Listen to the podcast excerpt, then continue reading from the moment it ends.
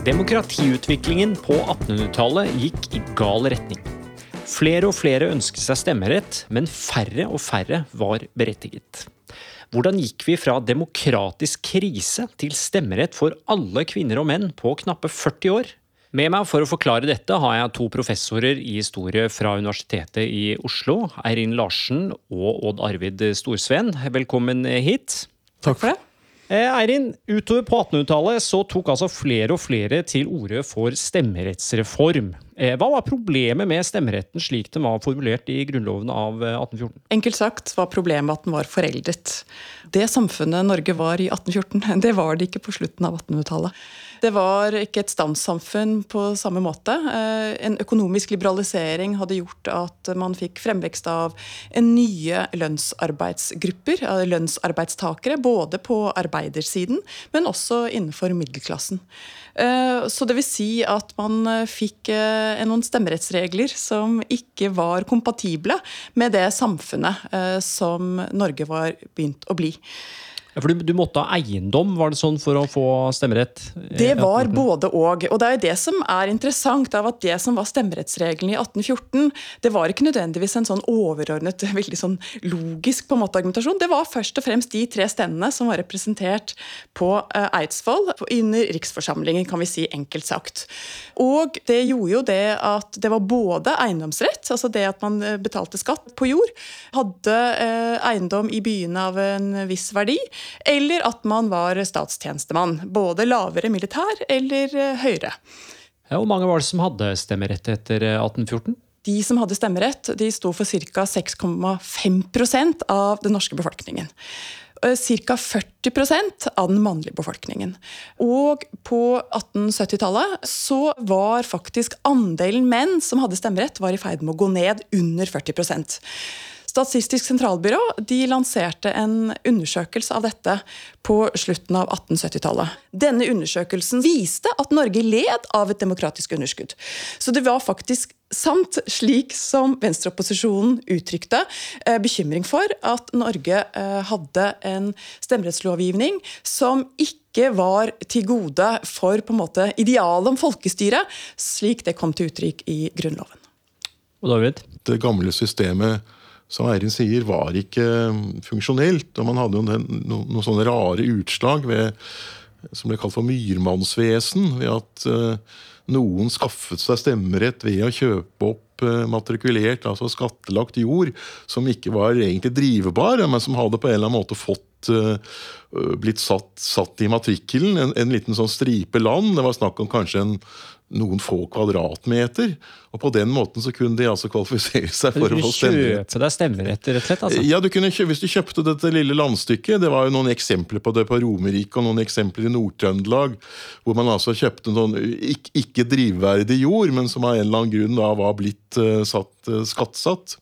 Og, og, hvis man kjøpte det, så kunne man uh, kvalifisere seg som, uh, som, skattebetalende eiendomsbesitter. Men Hva hadde vært liksom, grunntanken i, i, Grunnloven med at verde, man skulle ha verdige borgere? Du måtte være det for å ha stemmerett. Man kunne jo ikke gi stemmeretten til hvem som helst. Var det ideer som også var litt i endring her uh, utover 1800-tallet?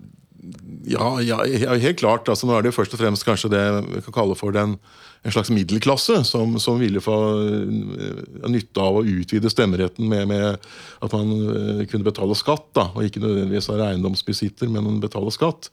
Men det lå nok under en sånn tanke om at dette, dette gamle systemet det var altså rett og slett ikke i samsvar med, med virkeligheten lenger. og og Dermed så kom dette myrmannsvesenet som, som, en provokasjon, altså en illustrasjon på hvor absurd det var. ikke sant? At folk som satt og uh, kunne få stemmerett på grunnlag av en lite sånt myrstykke, da, det, det, var jo latterlig. ikke sant? Og dermed så, så, undergravde man jo på en måte gjennom det hele, hele, ideen bak det gamle systemet fra 1814. Så, så, rett og slett hadde samfunnet endret seg så mye at uh, noen flere måtte få stemmerett. på en måte. Men det betyr jo ikke at denne kvalifiseringslinjen ble utdatert over natten. Nei, nei, uh, og at denne likerettslinjen var den som vant. Nei, det var jo fremdeles innenfor en sånn tanke om at også de som tjente så og så mye, uh, var kvalifisert. Så denne tanken om at stemmerett var noe man hadde rett til i å være et individ. Det er en mye senere tankegang. Mm. Og det er viktig at vi ikke bruker den tanken når vi diskuterer stemmerettsutvidelsen med 1800-tallet, og tenker at dette begynte allerede da. For det, det var det ikke. Men eh, med den stemmerettsutvidelsen i 1884, da får middelklassen sin stemme? Da får de sin stemme. Men i det gir ikke så mange flere stemmeberettigede menn. Og nettopp av den grunn som vi snakket om innledningsvis, at dette demokratiske underskuddet, og som gjorde det at andelen stemmeberettigede menn hadde faktisk gått ned i løpet av 1800-tallet. Så det var lavere før 1884 enn det var i 1814. Mm. Men, og, og, Er det ca. likt i, etter 1884 som i 1814? Nettopp. Man er litt tilbake på paret, pare, liksom? Ja. Men samtidig så var det jo viktig viktig, eh, ikke minst symbolsk, for Venstre at mm. nå kom denne nye middelklassen, altså lønnsklassen, middelklassen, inn i eh, det politiske systemet og kunne representeres. Eh, og dette by-Venstre, som var liksom liberalt, men også ganske progressivt, som f.eks. når det gjelder stemmerett til kvinner, det var en klasse som kom inn som følge av denne nye stemmerettsutvidelsen i 1884. Mm. Men eh, det neste steget i utviklinga her var jo innføringen av allmenn stemmerett for eh, menn i 1898. Hva var egentlig argumentene for å utvide det ytterligere? Fram til allmenn eh, stemmerett? Ja. Da tror jeg vi må tilbake igjen. og, og altså, Venstre programfestet stemmerett for kvinner på samme vilkår som menn i 1888. I 1887 etableres Arbeiderpartiet. De sier på årsmøtet i 1888 89 eh, så går de mer frem som strategi å gi stemmerett til alle eiendomsløse menn. Og det gjør at Venstre også programfester stemmerett for alle menn i 1891. Og, og, da på en måte ligger det i kortene her både at utvidelse av stemmeretten til alle menn er en vei for økt oppslutning om partiet Venstre. Ja, det ja.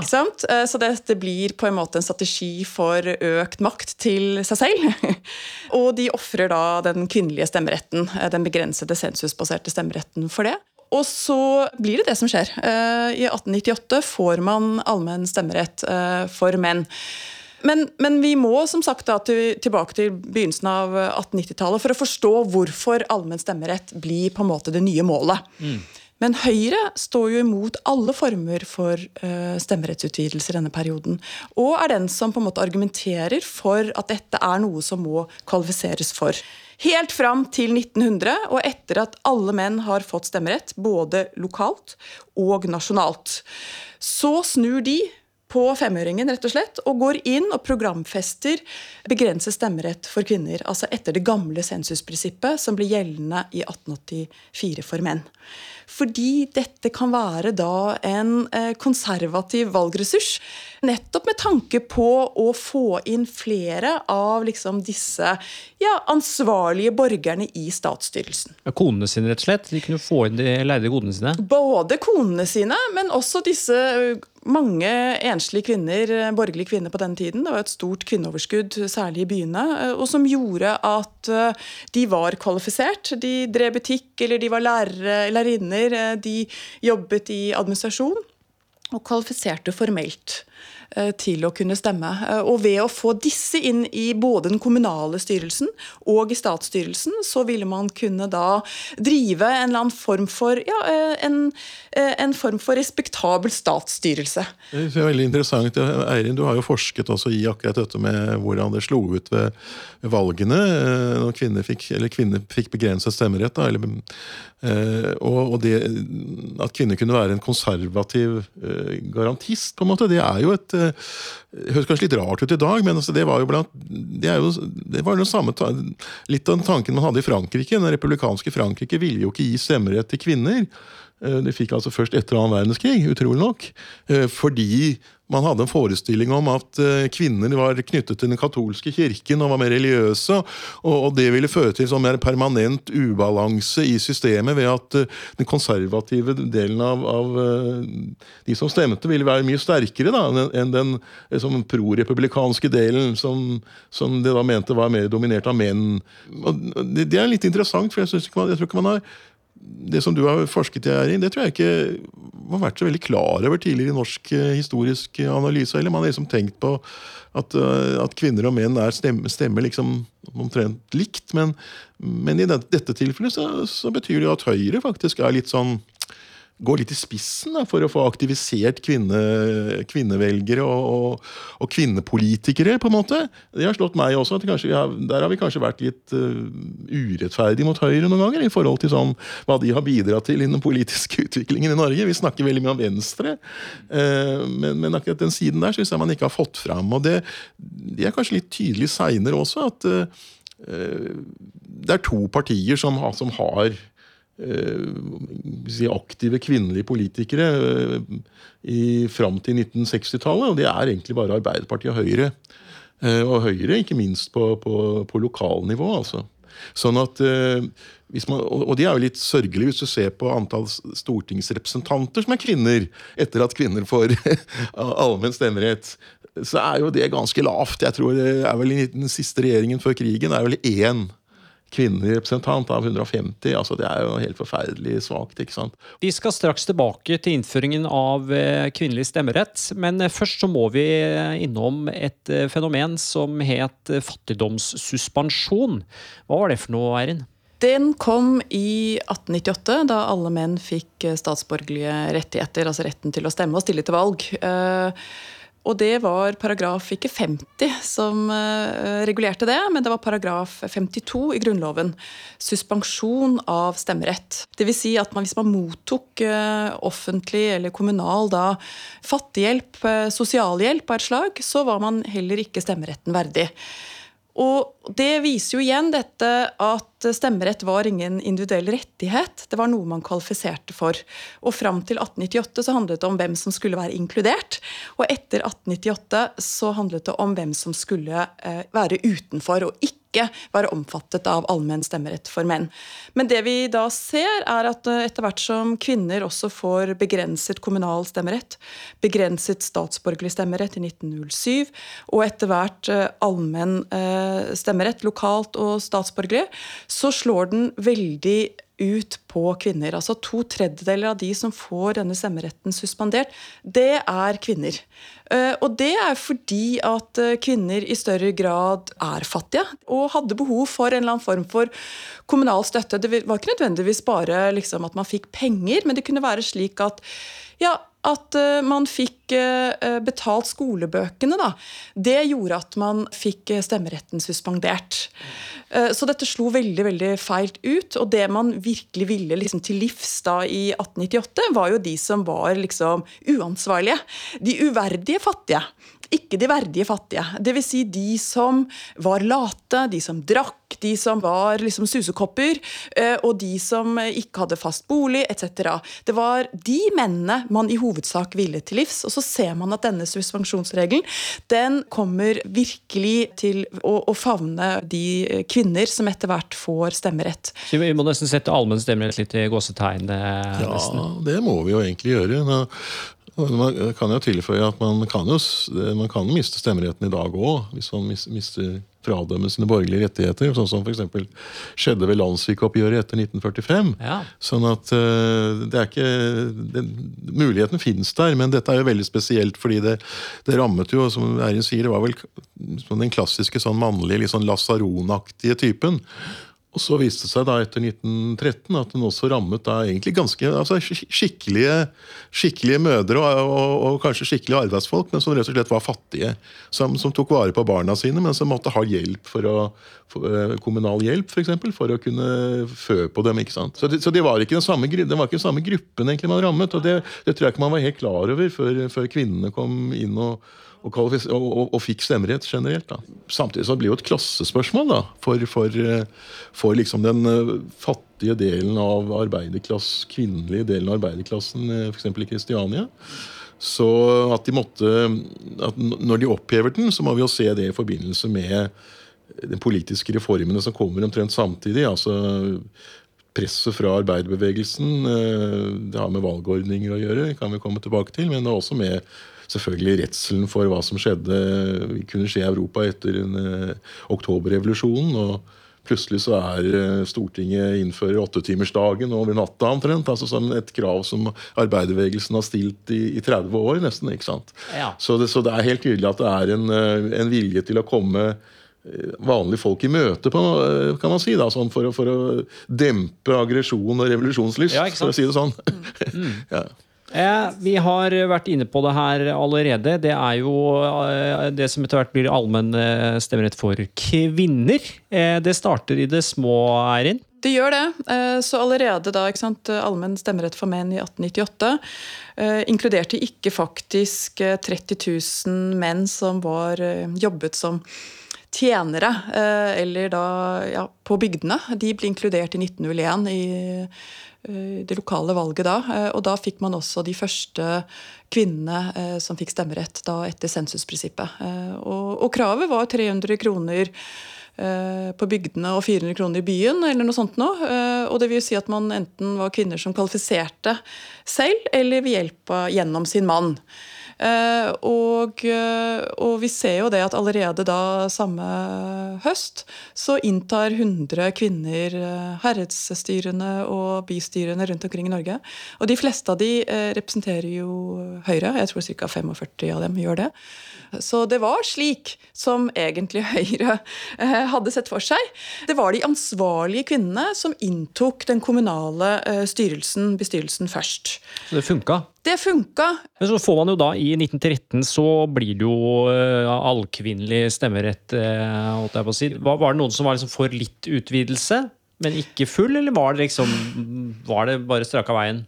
Det var øh, Nå tror jeg vi må ta det, liksom, det viktigste vendepunktet, eller ofte det som blir sett på som vendepunktet i litteraturen og blant forskere, Ida Blom, Gro Hagemann, Kari Melby, argumentert, er 1905.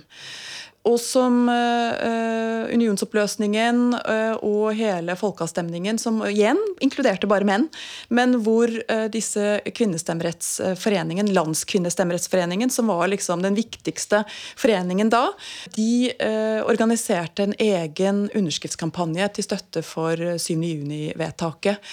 Ja, bare, Eh, bare for de som ikke vet hva det er, hva er den eh, eh, avstemmingen i 1905? Hva går den ut på? Ja, nei, Det er jo om man skal eh, gå ut av unionen, eller altså støtte da vedtaket om eh, unionsoppløsning eh, fra unionen med Sverige.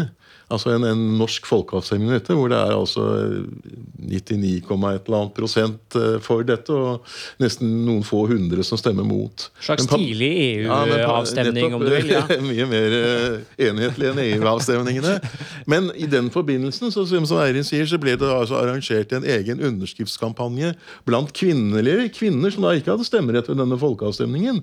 Som også med, hund- altså med, med Jeg husker ikke hvor mange stemmer det var til sammen. 300 000 300 000 underskrifter, underskrifter. samlet de, og som de overleverte da Landskvinnestemmerettsforeningen til Stortinget i en sånn eh, virkelig rød, sånn dyp rød på en måte skinnperm med en gulltråd rundt og et gullemblem med Landskvinnestemmerettsforeningen på. Og det vil si at De brukte liksom hele denne veldig varme sommeren visstnok, eh, eh, 1905. Og, og det var hetebølge i august. Eh, og de jobbet hardt for å samle disse underskriftene. Og de fikk mye hjelp av eh, embetsmenn også. Prester, eh, lokale på en måte embetsmenn hjalp til i dette. De hadde eh, underskriftskampanjer og, og, som lå i de ulike re- avisredaksjoner rundt omkring. Og de klarte virkelig å mobilisere. De viste seg verdige. De viste seg verdige. Og så får man da denne stemmerettsutvidelsen i 1907 på nasjonalt nivå, eh, etter sensumprinsippet igjen. Akkurat sånn som man hadde i 1901. De bedrestilte kvinnene Ja, fikk de ja. bedrestilte kvinnene og stortingsvalget 1909 var virkelig den store, og det tror jeg man ofte glemmer her, i denne fortellingen om stemmerettsutvidelse for kvinner. fordi det var først og fremst i 1913 at alle kvinner fikk. Men det var i 1909 at man fikk den største mobiliseringen av kvinner eh, politisk i Norge. En av de tingene jeg syns er interessant med den perioden, er jo å lese om alle disse motforestillingene mange menn hadde mot eh, kvinnelig deltakelse i politikken. Eh, hun var av en annen natur, og hun hadde ikke godt av å diskutere og den slags. Og det er jo alt seint på 1800-tallet. Men så snur man på flisa rett inn på 1900-tallet. Eh, hvordan skal vi forstå det? Altså, en ting er jo å gi, gi, altså, gi stemmerett. At de skal få lov til å være med å bestemme. Men å bli en del av politikken, det er jo et eh, skritt videre. Da må man jo se på om man faktisk tar kvinner inn i det politiske arbeidet i partiene og Stortinget. Vi nevnte vel i sted at det er jo ikke det er, det er, til og med noen storting hvor det ikke er kvinnerepresentasjon i det hele tatt i mellomkrigstiden. Ellers er det liksom fra sånn tre-fire til én, da. Så det er jo Kvinnene Kvinner blir jo satt til side i den politiske, sentrale politiske eh, styret av Norge. Selv om de får lov til å gjøre noe mer på lokalnivå, riktignok. Så, så det endrer seg ikke før eh, 1960-70-tallet, egentlig. altså. Ja, det, ja. Det var jo egentlig helt fram til begynnelsen av 70-tallet. Ja, ja. Mm. Så, så, men på slutten av 1800-tallet så, så, handlet dette om partitaktikk. ikke sant? Det er viktig å, å å, å, ha klart for seg. Men det var også noen sånne forståelser av hva er det som ville skje da, hvis kvinner kunne komme inn i politikken. Og det var jo det at det sto liksom Det, det, det sto og falt på liksom hele samfunnet, egentlig. Eh, fordi at kvinner var jo de som fødte barn, og hvis de nå skulle komme inn i politikken og bli likestilt på alle linjer med menn, samfunnet ville jo rett og slett bare gå under. Og ikke minst kvinnene selv ville jo bli som menn, de ville bli mannekvinner. Det ville bli et nøytrum. Dette var jo jo stor skandale. Og så var det denne ideen om at uh, kvinner var jo umodne. Og, og, før 1888 så var jo gifte kvinner også umyndige i ekteskapet. Så, så, så det, det resonnerte jo på en eller annen måte. Og, og, tanken var også da, som vi snakket om tidligere, at hvis du ga da kvinner stemmerett, så ga du egentlig bare to stemmer til mannen. Og at det var, som du sa, imot naturens orden. Eh, et mer et sånt naturvitenskapelig liksom, bilde som også kommer frem på slutten av 1800-tallet. Og at dette var i, tråd, altså i, i strid med denne, denne orden. Mm. Men det, blir en, en stemme vedtatt i 1913? Det gjør det, ja. men da har man jo ikke sant, fått denne skrittvise utviklingen. Mm. Eh, og man får allmenn kommunal stemmerett for kvinner da i 1910. Og eh, det stortingsvalget i 1909 var liksom, viste kvinner at de både var ansvarlige, at de ikke var noen trussel mot liksom, den etablerte samfunnsorden. Det var verken revolusjonære krefter, eh, mm. og de var gode høyrefolk. Flesteparten. Altså ikke alle, men flesteparten stemte Høyre. Og det gjorde de faktisk i Norge. altså De stemte konservativt kvinnene helt ut på begynnelsen av 80-tallet. Og det ser man er egentlig et, da, helt likt med Frankrike, f.eks. At det er liksom først da på begynnelsen av 80-tallet, slutten av 70-tallet, begynnelsen av 80-tallet, 1980-tallet, at kvinner begynner å stemme radikalt. Mm. Og, det betyr at det var ingen fare med å gi kvinner stemmerett, egentlig. Og derfor så var det heller ingen debatt. Mm. Den siste utvidelsen vi har på programmet her, er jo altså 1919, hvor de fjerner fattigdomssuspensjonen. Bør vi se det i sammenheng med frykten for eh, de revolusjonære arbeiderne? Ja, jeg tror det i hvert fall er, en side ved det. Selv om det nå ikke var noe sånn voldsom revolusjonær agitasjon blant de fattige kvinnene som hadde mistet stemmeretten. Men, men, men det er jo for å blidgjøre på en måte da arbeidervelgere ved at man nå innfører en annen type valgordning. Ved at man får altså forholdstallsvalg, slik at man får altså stemmetall altså blir representert etter det stemmetallet man har, og ikke etter om man har, at man har flest stemmer og tar alt. da The winner takes all-prinsippet forsvinner jo. Og det, det, bidrar nok til at arbeiderbevegelsen i hvert fall får en følelse av at de ja, Deler av arbeiderbevegelsen, skal jeg kanskje si. For følelsen av at, at det går an å presse myndighetene til å, til å gjennomføre politiske reformer. Mm. Og så er det selvfølgelig noen som da vil gå mye lenger og vil ha en sosialistisk revolusjon, mens uh, arbeiderbevegelsen selv blir jo, blir jo um, splittet da, ganske fort mellom de som er Moskva-vennlige, og de som uh, vil ha en selvstendig linje i, i, i Norge. Da. Men, men, det er en veldig turbulent periode, så er det klart at hvis det norske demokratiet skal ha noen Eh, skal vi si, troverdighet altså blant arbeiderbølgere, så må de jo gi noen innrømmelser til de som eh, er satt mest mulig utenfor det politiske systemet. Da. Og det, det, skjer jo da på den måten med at man får en ny valgordning som jeg sa, 19, eh, fra og med valget i 1921. da. Mm. Eirin, vi skal trekke litt lange linjer gjennom perioden her fra 1814 til 1919. Da lander vi på at veldig mange har fått stemmerett. Er det noen særlig spesielle linjer du vil trekke fram?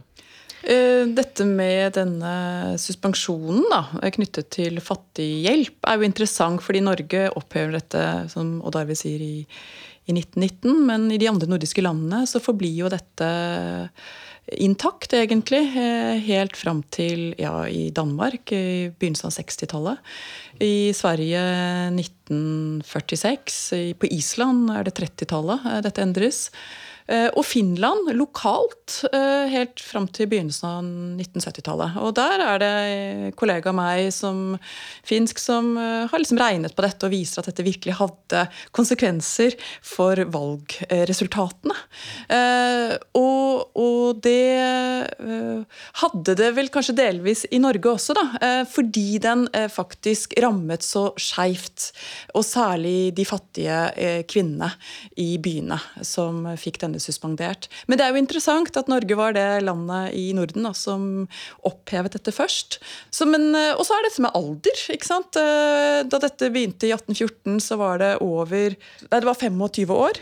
25 år, eh, og denne forble uh, utover til egentlig mellomkrigstiden. og Så gikk det til 21 år, uh, og så etter hvert så ble det 18 år. Og i forbindelse med 100-årsjubileet for den kvinnelige stemmeretten i 2013 så ble det kjørt i gang en, en prøveordning for stemmerett for uh, 16-åringer. men det ble vedtatt å ikke innføre det, selv om erfaringene visstnok var ganske positive. Mm. Eh, og David, Når jeg liksom ser de her stemmerettsutvidelsene, så er det liksom lett å få inntrykk at det var nesten sånn tvungen dominoeffekt. Når vi fikk det ene, så måtte vi få det andre. Er det en eh, tolkning vi skal passe oss litt for? Uh, ja, altså En viss, viss dominoeffekt kan man jo ha i, i, politikken, i og for seg. Uh, jeg tror likevel at problemet med demokratiet er at man tenker seg at uh, det er et system som bare liksom blir bedre og bedre og bedre, liksom, sånn at det skjer av seg selv. Eh, så diskuterer man kanskje ikke hva er hva skal egentlig demokrati være? altså Hvor er det man skal utøve demokrati? Det er jo veldig mange steder En ting er noe stemmerett da, og få folk til å på Stortinget og sånn, men vi kan vel ikke påstå at det at du har en representant på Stortinget, gjør noe sånn gir deg selv, det enkelte individ, veldig stor makt. Og noen har jo til og med ikke noen representanter på Stortinget. De har stemt forgjeves fordi de har stemt på noen partier som ikke kommer inn, eller som ikke er sterke nok til å bli representert. Så spørsmålet er kanskje mer hvor, hvor skal vi utøve eh, individuelle og, og, kollektive beslutninger sånn eh, som vi kan kalle demokratiske. da. F.eks. på det stedet vi sitter her, i Universitetet i Oslo, så, så er det jo ikke noe sånt eh, demokrati én stemme er lik eh, for alle. Det er noen som har mer makt enn andre. Kanskje det må være sånn også. Eh, at professorene må ha noe mer å si enn studentene. Men det er jo verdt å diskutere spørsmål på, på lokalt og, og mer sånn institusjonelt nivå. om kanskje Kanskje det er der man trenger å, å utvikle demokratiske beslutninger. Eh, og ikke, ikke, nødvendigvis bare se på liksom den store, store sammenhengen, som, som, jo kanskje kan være vanskelig for, en, for et eh, vanlig enkelt menneske å egentlig ha noe formening om i dag, hvor samfunnet er så komplisert. Og som har én grunn, tror jeg, til at eh, Og det må vi jo det må vi jo ta alvorlig, at uh, valgdeltakelsen har vi jo problemer med i dette landet. Ja, altså, og det er jo veldig store grupper som, som driter rett og slett i å, å avlegge stemme fordi de ikke syns det er noe vits i. Så, så, så, det er nok en del ting som norske både politikere og forskere burde sette seg ned og diskutere litt mer. Hva er det egentlig vi vil med demokrati? Og ikke bare ha det som et sånt eh, triumfkort som viser at vi har gått i en riktig retning i, i 200 år. Kanskje heller si at eh, det viktigste utfordringer står kanskje foran oss, egentlig. Odd Arvid Storsveen, Eirin Larsen, tusen takk skal dere ha. Du lyttet til serien Medienes stemmer og maktens sensur, produsert av Norgeshistorie ved Universitetet i Oslo. Mitt navn er Anders Brenna, og ansvarlig for denne serien er Ellen Katrine Lund.